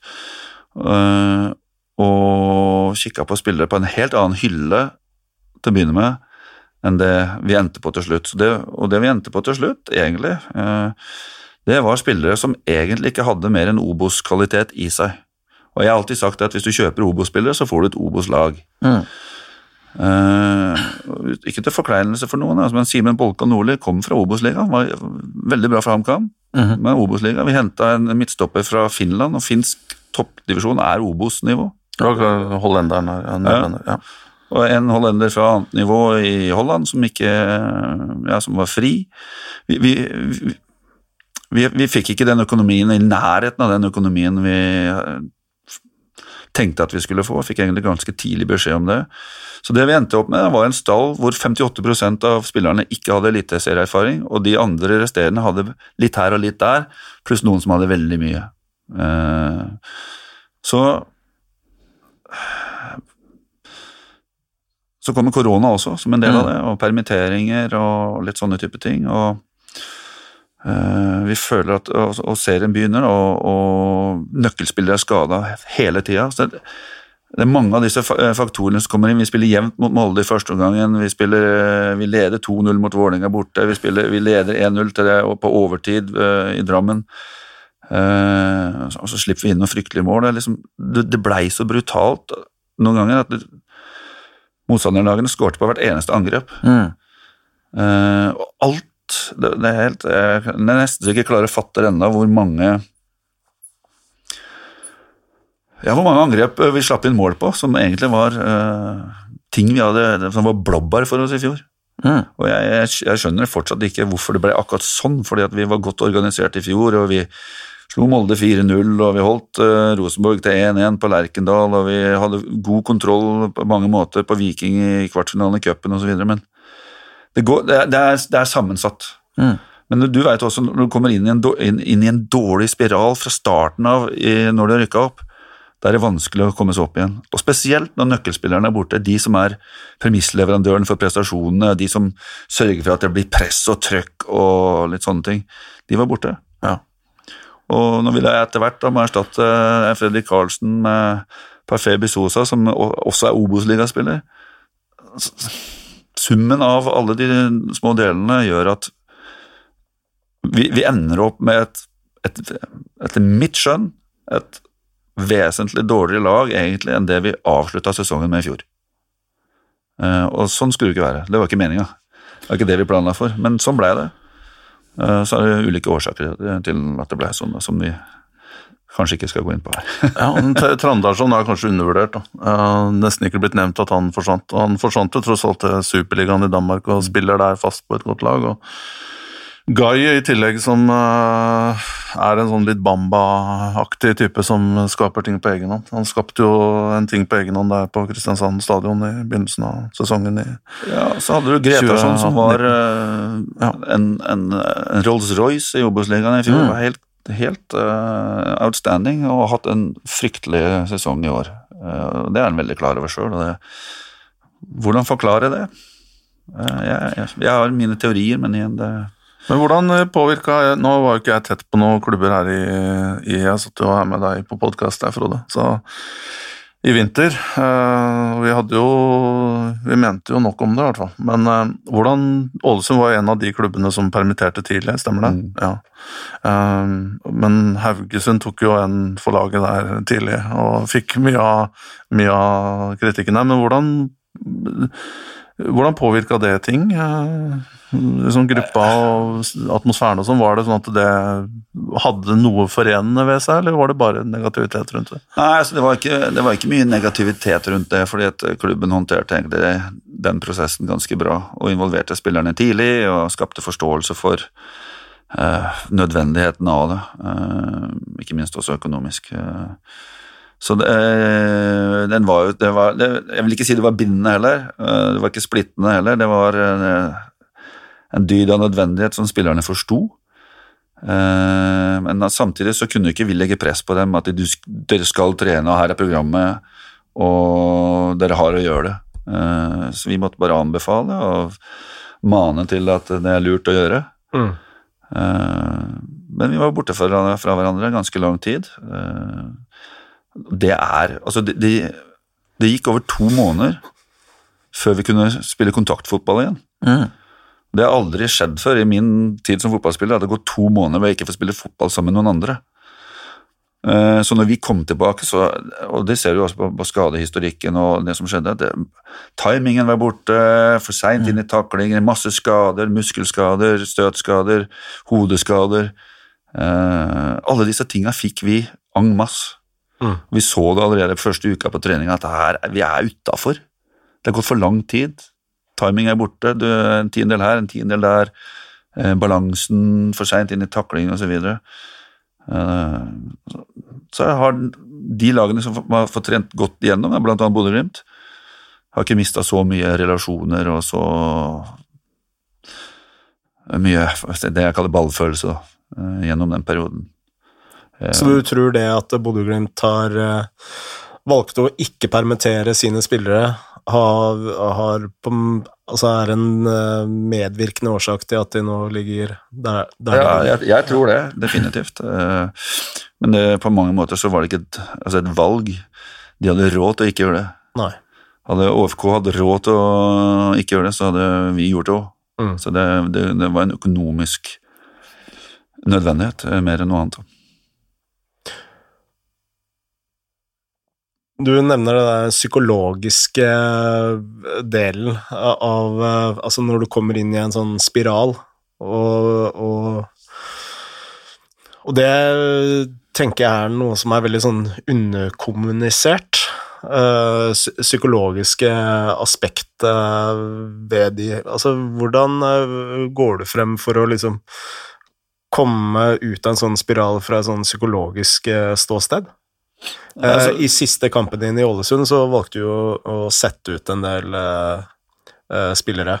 Ja. Var det et svar på den, altså slags sånn wake-up call, eller Da var det Da var nesten alle triks oppbrukt. Altså, jeg, jeg har stått og stampa gjørme så ofte og hatt restarter så ofte. Um, altså, det er sånn at når du selv med gode spillere, og dette, dette kan du se på det aller høyeste nivå òg, når de begynner å tape kamper og ikke forstår hvorfor de ikke vinner, og selvtilliten blir dårligere og dårligere, Mm. eh, og frykten for å tape blir større og større, så er det der en sånn spiral du kommer inn i som Det er bare én måte å komme seg ut av det på, og det er å vinne igjen. Mm. Men du vinner jo ikke nødvendigvis bare fordi at du nå trenger du å vinne. Eh, og så prøver du som trener å eh, Selvfølgelig viktig at eh, humøret holdes oppe i gruppa. Jobber veldig med humøret. Jobber veldig mot de mekanismene som trer inn i en spillergruppe når det går dårlig. Sånn at spillerne er klar over de mekanismene og ikke lar dem få ta overhånd. Blant annet typ mekanisme at når du taper, så er det da vil du helst komme deg vekk fra stadion så fort som mulig, komme sist inn på trening og dra først, fordi det er, liksom, det er vondt å, å være der. og Da må du motarbeide de mekanismene med, med liksom sørge for at spillerne er mer sammen. Ikke mindre sammen, men mer sammen. Mm. Og at de klarer å holde humøret og alt det der. Det syns jeg spillerne i OFK var utrolig lydhøre og flinke til. Alt det der, De var med på alt vi sa, og de, de prøvde og de prøvde og de prøvde av ulike årsaker. Så vi fikk jo ikke spilt ett, lag, ett likt lag to kamper etter hverandre. Det var alltid mye bytter, og det var alltid nøkkelspillere som var ute, som kanskje kom og ikke kom. Eh, som gjorde at vi, vi, vi fikk ikke bygd noen relasjoner fra kamp til kamp. Mm. Uh, men, men du prøver jo alle triksa, du prøver å, dra deg sjøl etter nakkehåra når du står opp om morgenen, og du veit at hvis jeg ser slagen ut, så er i hvert fall de slagene. Mm. Og du må komme inn der med en, en nytt mot, en ny plan og en uh, ny tanke, uten å på en måte røre for mye i, i kjelen nå. Ja. Eh, fordi at jeg har alltid vært av den oppfatning, og det var jeg i Sandefjord òg, at hvis du Jo mer usikre spillerne er, eller på en måte, og jo lavere selvtilliten er, jo mindre må du forandre. Jo, jo bedre du gjør det, sånn som vi gjorde i fjor kunne, På høsten i fjor så kunne jeg nesten bare gjort hva jeg ville, og de hadde absorbert det og tatt det. Men jo dårligere det går, jo fullere ballongen er, jo mye tanker i hodet er, jo, jo mer gjen, gjenkjennelig må det være det du prøver å få til på banen, fra det du har gjort i treningsarbeidet. Det er mange som, har, som tenker at de må gjøre det motsatte, fordi jeg får ikke resultater, så jeg må endre litt, jeg må endre, jeg må endre. Jeg tenker motsatt, jeg. Såkalte fotballeksperter, eh, altså når du så på så på TV og leste avisene, så var jo det kanskje litt av kritikken mot deg, da. da at du bare kjørte på det samme hele tiden. At uh, ja, hvorfor endrer ikke Lars uh, på formasjonen? Hvorfor uh, spiller han ikke 4-4-2? Ikke sant? Det var Trebecks-linja di da, som var, var, det, var, det, det sto og falt på. Men det var det i Sandefjord òg, og det, jeg mener at det, den argumentasjonen kommer som et resultat av mangel på kunnskap. Mm. Mangel på forståelse eh, av at det ikke handler om formasjonen, det er med utøvelsen av den. Og så kan man selvfølgelig Altså, Jeg forstår ennå ikke argumentet med at det er, det er, bedre å ha fire bak enn fem. Vi spilte jo også 3-4-3 en del i de, i de, første kampene, og da spiller du med en femmer og en firer. Det skal være mye vanskeligere å score på enn det vi klarte å få til. Så har, Det har ikke så mye med formasjon å gjøre, det har med utøvelsen av formasjonen. Og så ser man også at det er flere og flere lag som spiller med tre bak, mm. også på det aller høyeste nivå. Men så, også i Obos-ligaen er mange Tromsø spiller jo 3-5-2. Eh, og Sogndal 3-4-3. Uh, eh, og Sarpsborg spiller ren 3-4-3. Det handler ikke, om, handler ikke om formasjon. Det er bare en sånn unnskyldning folk har fordi de kjenner ikke hva det innebærer med tre Det er jo tre bak Ja, det er tre bak når vi angriper, så er det fem bak når vi forsvarer oss. Selv Drillo spilte med trebackslinje mot Kamerun i 1990. Ja, ja, men så det I mangel av at folk har andre argumenter. Men det vi gjorde da, det, vi, vi, vi endra jo ting innafor systemet, altså måten å gjøre ting på. Mm. Det, det, det, går jo an å gjøre. ikke sant? Altså Hvordan bruker du sidestopperne dine, hvor offensive skal wingbackene være? Mm -hmm. eh, hvem skal presse bekken, skal det være kanten eller vingbekken vår, eller skal det være indreløperen osv. Det går an å endre sånne type ting, kanskje for å få en bedre balanse i laget. Men det, det ser jo ikke folk. Nei. Og heller ikke de som sitter og er eksperter. Mm. De vil si at det må komme en forandring. Ja, men det har vært masse små forandringer underveis, men de plukker ikke opp. Og så er det mange prosesser som skjer i bakgrunnen òg, som ikke utenfor verden vet om.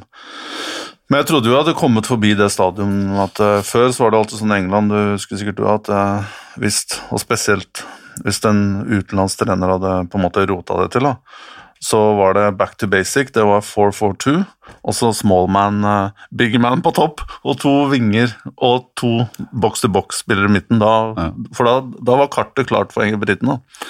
Så vi er jo litt forbi det, men noe av det mest fantastiske trenerprestasjonene jeg har sett i nyere tid. Det er, og du er litt inne på det her, det der med For det er det Det er nesten Jeg kan ikke huske å ha sett noe tilsvarende.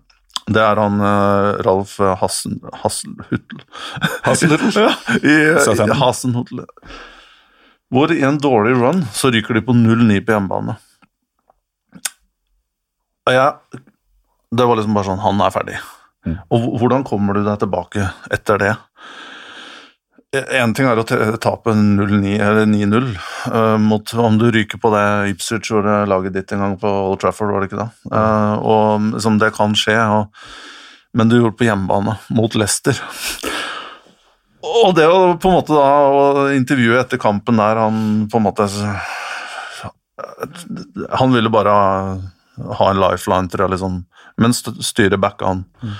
Og de kom seg ut av det og, og, og kom seg liksom mid-table det er større prestasjon for meg enn å nesten uh, Vinne hele Ja, eller å på en måte kapre en Champions League-spot. Hvordan han fikk til det, altså det Nei, det er, det, Han må ha med seg spillerne. Hadde han ikke klart å få med seg spillerne etter et sånt tap, og få dem opp igjen og liksom fortsatt tro på det, det de driver med, så hadde han vært sjanseløs. Men så, En ting er å få med seg styret, og liksom, uh, men får du ikke med deg spillerne, så er du sjanseløs. Så det er jo det som er i dette tilfellet for han, det det virkelig gode håndarbeidet. Sånn bare sånn rent visuelt, hvis han hadde gått slipp inn ett til deg, 0-10 da hadde du vært ferdig, eller?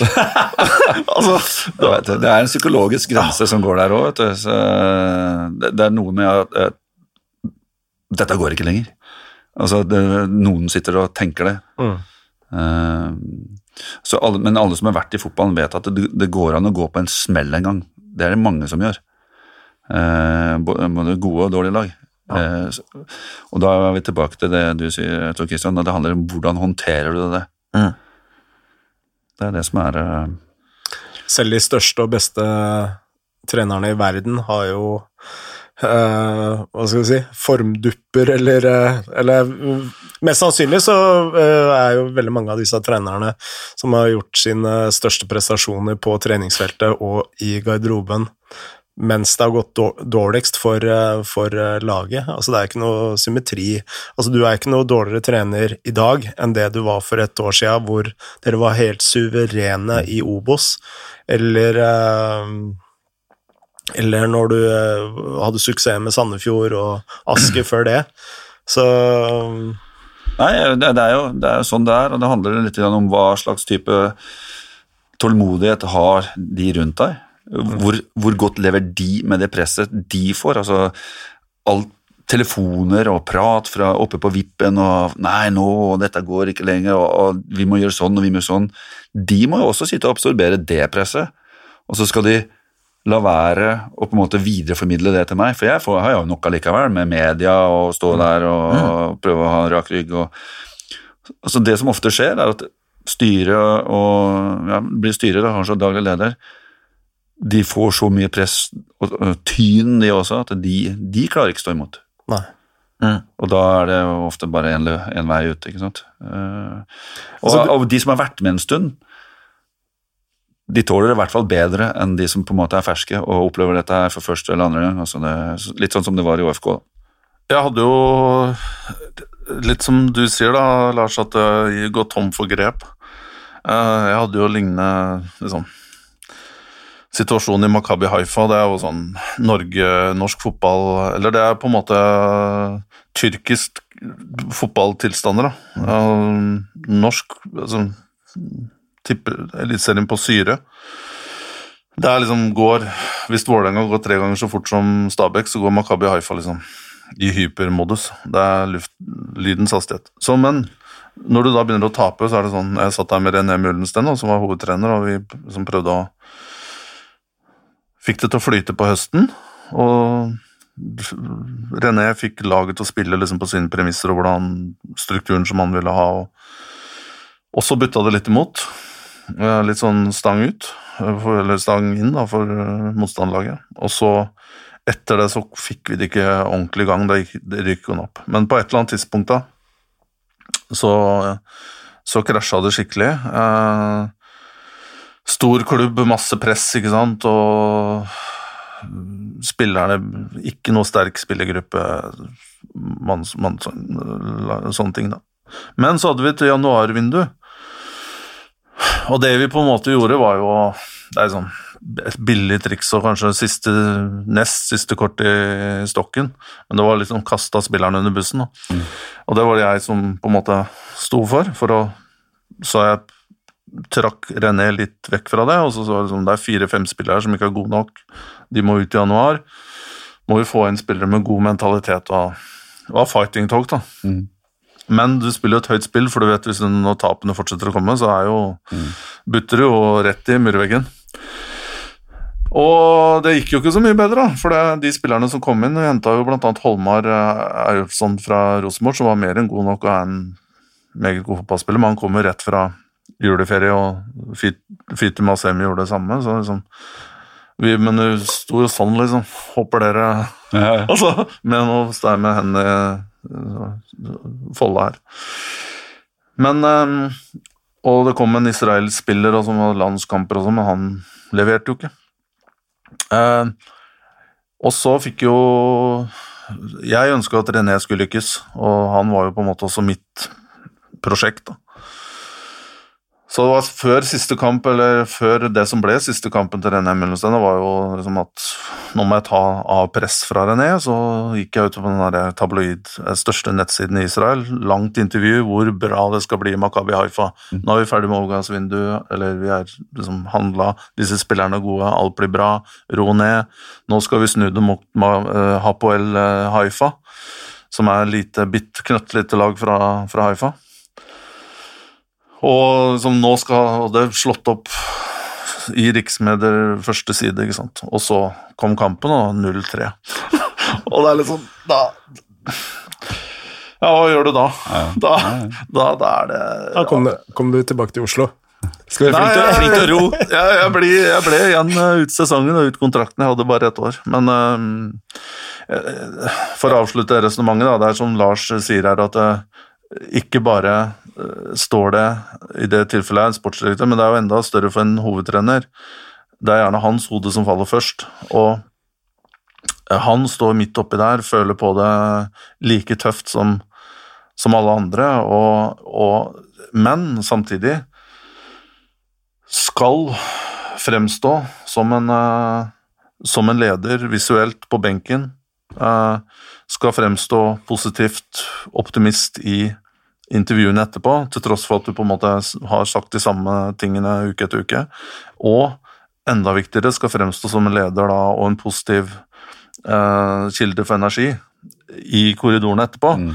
Uten at det er noe liksom Dette er jo nyopptråkka løyper hver eneste gang. Ikke et miljø er likt, ikke en spillergruppe er lik. De reagerer på forskjellige ting, så det er liksom på pionermark hele tiden her, da. Så det er jo ikke en gitt filosofi som hjelper i enhver omstendighet, så det, det å klare å time der hele tiden, det er nesten en umulig oppgave uh, i mitt, uh, Ja, i ja mitt det, er, det er det selvsagt. Men, men du, du gjør deg erfaringer fra, fra gang til gang, fra klubb til klubb. uh, fra situasjoner til situasjoner som du må håndtere. Og, og, og gjennom det så har du i hvert fall bedre forutsetninger for å lykkes neste gang. Ja. Uh, og det, og sånn den læringa der du, du er helt riktig, det finnes ikke en fasit for noe. fordi at hadde det vært det, så hadde du bare bladd opp i den fasiten. Og nå er vi, nå er vi i den situasjonen, ja. Ok, side, side 14, der står det sånn og sånn og sånn. Det, det finnes ikke, for du arbeider med mennesker. Uh, og det, det, det er den det er, Jeg syns det er noe av det mest spennende med å være trener, er nettopp det at du må, ut ifra konteksten du er i, så må du løse et problem kanskje litt annerledes enn du løste det samme problemet forrige gang. Mm. Du må finne en annen retning, du må finne en annen løsning, du må finne en annen måte å kommunisere det på, selge det inn på, eh, eller ja, hva nå løsninga måtte være. da. Men én en ting jeg lurer på, altså en klubb som Ålesund, og du, du får eh, svare på det du kan svare på, eller vil svare på, men eh, altså en klubb som Ålesund, som da, slik jeg har forstått det, har litt sånn stramme økonomiske rammer, og i forkant av sesongen så Altså med de spillerne dere har uh, mista, og de spillerne dere ikke fikk rekruttert, så eh, Og jeg registrerer at Ålesund, som flere andre klubber i Eliteserien og Obos uh, for den saks skyld, har et uh, styre og en ledelse med veldig lite sportslig bakgrunn. Mm. Eh, hva er det man forventer? Altså, forventer man at, altså, at man skal trylle her, eller Jeg bare Altså, det, det er noe med øh, målsetning og realisme her da, som jeg tenker ikke alltid henger øh, sammen, og det er ikke bare i Ålesund. Er også en rekke andre klubber hvor, hvor, hvor, du ser at kvaliteten på spillematerialet i klubben altså selv ved et opprykk går ned, men likevel eh, så er målsetning øvre del av, tabellen.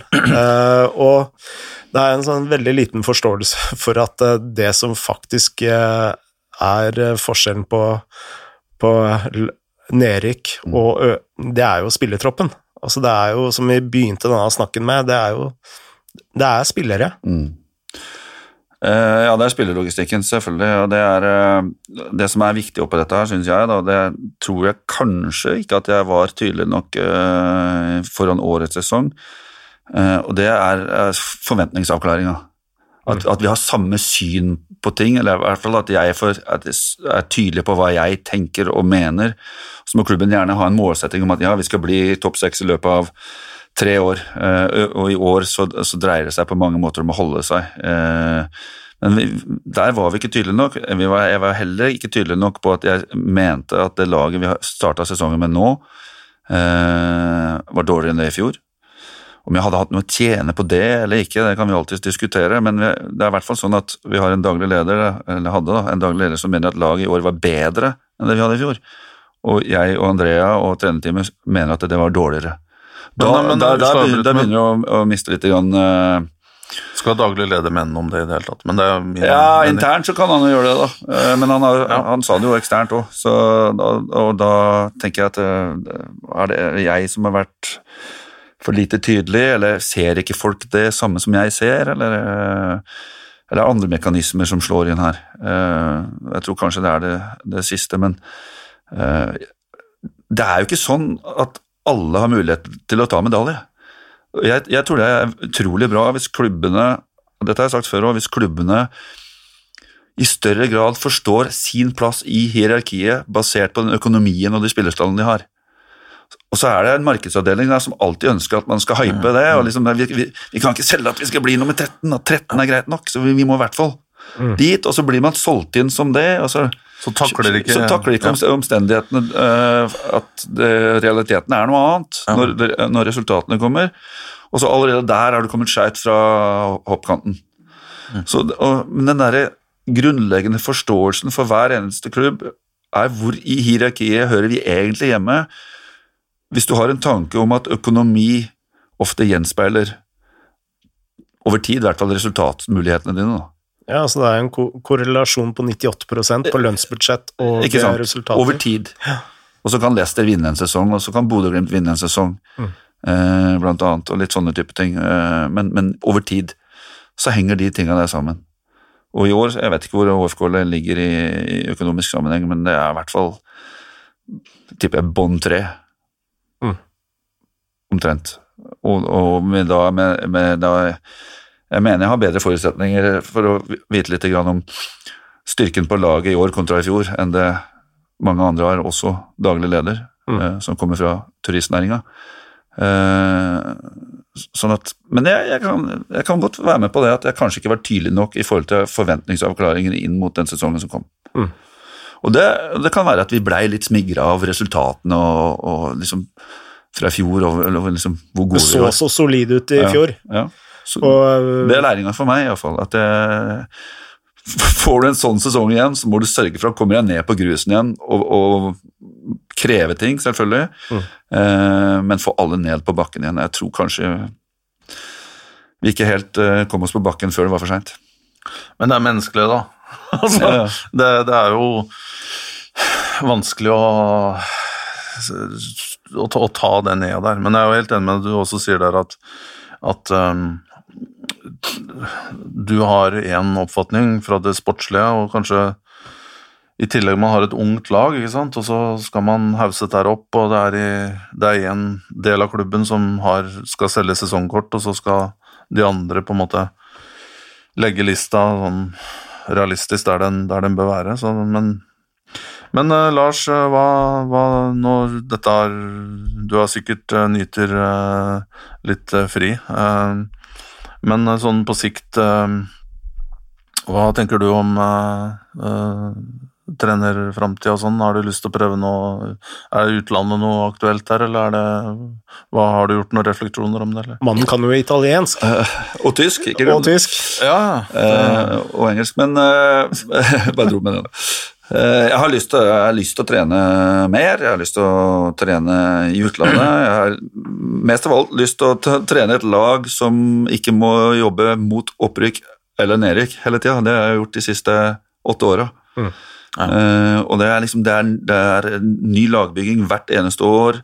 Det er en kamp mot noe, eller ja, mot- Hver kamp er en cupfinale, Ja, ikke sant. Uh, og det er kamp om overlevelse. Det er som få et i hvert fall et stabilt topplag til å bli enda bedre. Det, er det jeg har lyst til. For jeg, nå har jeg jobba i, veldig interessante klubber og lært ekstremt mye, og, og er takknemlig for det, og sånn, men eh, samtidig har jeg lyst til å prøve mine nyvunne erfaringer med et lag som har bedre forutsetninger for å vinne fotballkamper. Ja, for det er jo eh, egentlig en annen sport.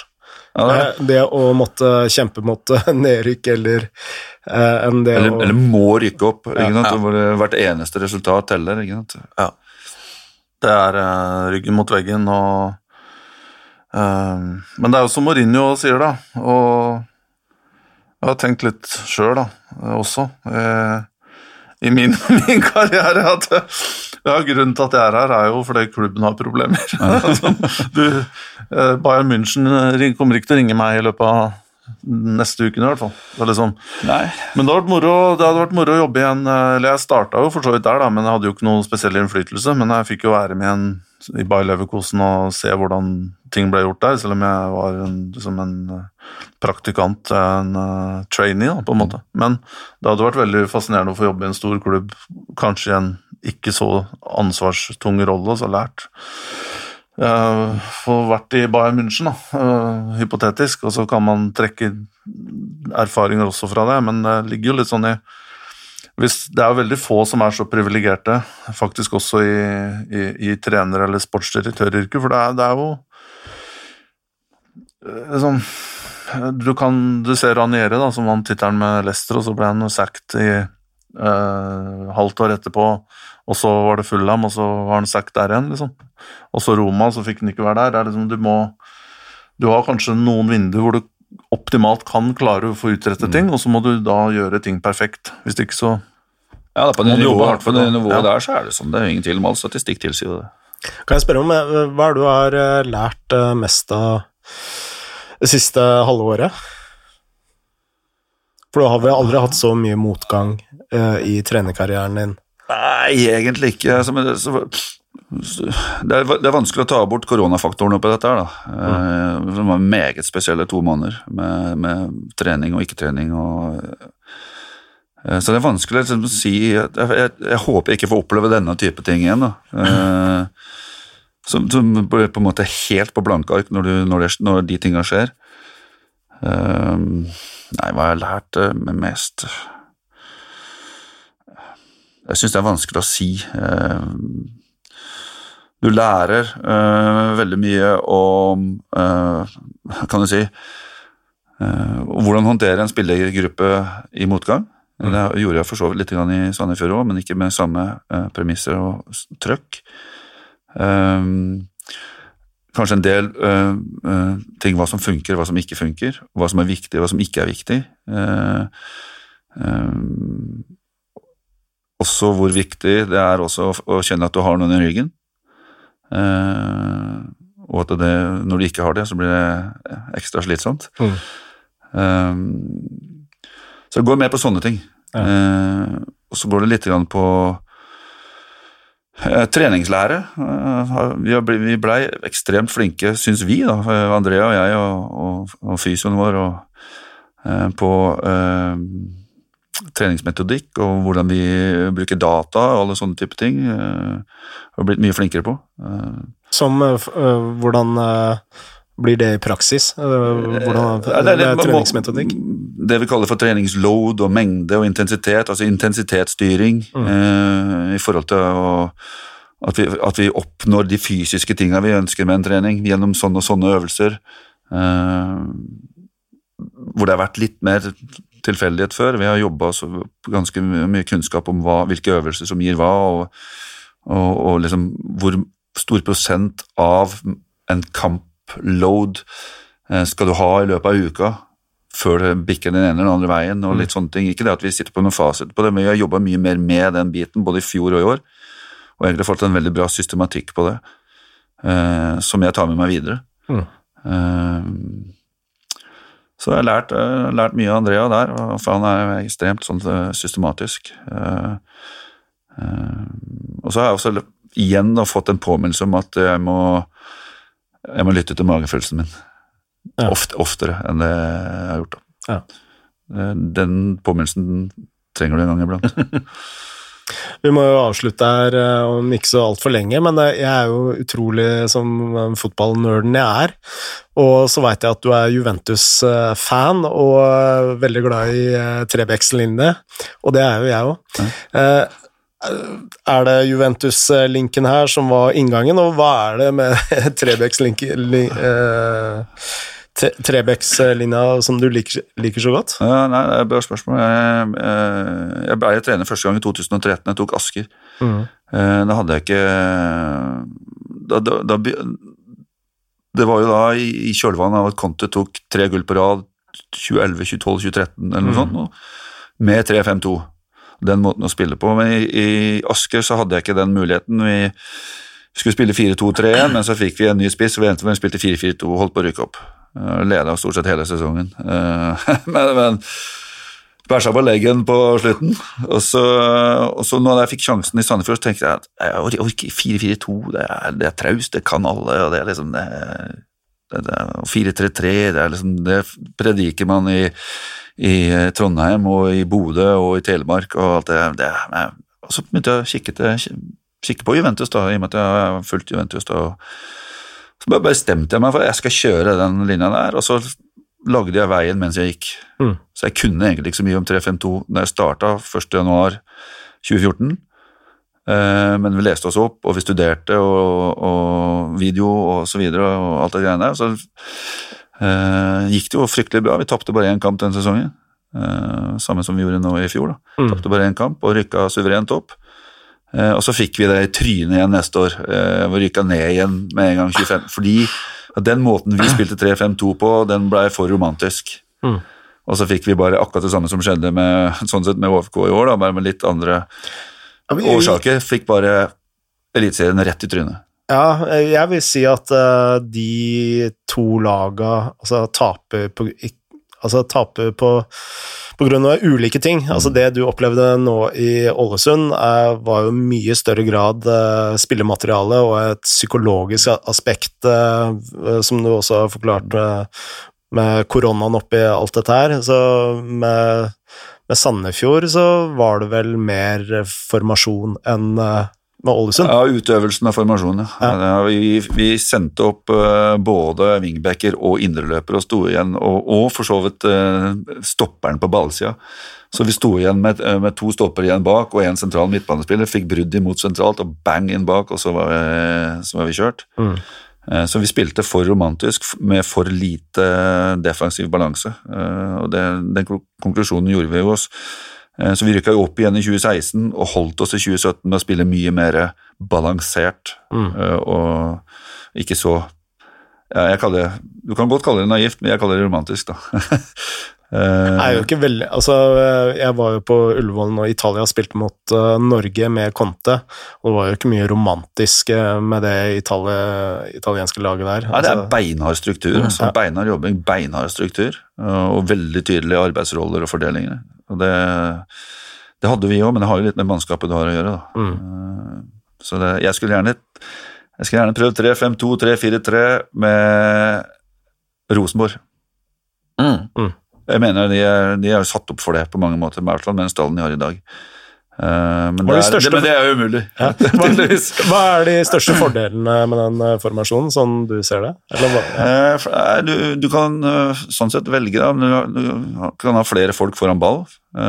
Du får stopperne i langt større grad med i angrepsspillet, og ofte så er det stopper, sidestopperen som slår innlegg. Mm. Ofte så blir vi, når, vi har gjort det bra med dette 3-5-2, så har motstanderens trenere sagt at vi klarer fint å håndtere første og andre trussel, men ikke tredje og fjerde. Så hvis du har bra bevegelse foran ball, Mm. og du får spillvendinger, og, og du har, det, det må være løpskraft i et 3-5-2-lag. Hvis du ikke har løpskraft, er du sjanseløs. Mm. Med mindre du er et kontringslag og bare ligger bakpå og kontrer. Men hvis du skal være et possession-lag i tillegg, så må du ha enorm eh, løpskraft. Det er kanskje der ofte jeg kanskje har undervurdert det behovet. Uh, eh, og så er, og så er det skal være veldig trygt defensivt, da. Mm. Skal være det. I teori. Men jeg skal jeg må si en ting. Ja. Fordi at det, når jeg begynte med 352 i, i Sandefjord i, i 2014, så ringte jeg til Ståle Solbakken og så bare snakka litt med han om 352. Og han hadde prøvd det noen ganger i, i, eh, i FCK. Og det han sa til meg, jeg glemmer aldri, eh, for det, han, han hadde veldig rett, det fant jeg ut til slutt, at hvis du får det til å funke, så er det jævlig bra. Hvis du ikke får det til å funke, så er det katastrofe. så så det, sånn har det vel vært. Jeg glemte jo å fortelle altså Jeg husker eh, Drillo fortalte meg at eh, han spilte 3-5-2 i hans første landskamp mot eh, Kamerun, men det jeg ikke fortalte, eh, det var også det han sa at eh, Og det var siste gang jeg gjorde det! Enda vant 6-1. ja. Enda han vant 6-1. Eh, Lars, dette har vært utrolig hyggelig. Eh, tusen takk for at du eh, kom og besøkte meg og Tor Christian. Bare hyggelig, det. Det har vært informativt og lærerikt og, og hyggelig, så jeg sier det samme. Ja. Tusen takk for at du kom. Takk for meg. Og da sier vi som vi alltid sier her i Sjevatse, Das vedanja! Moderne media.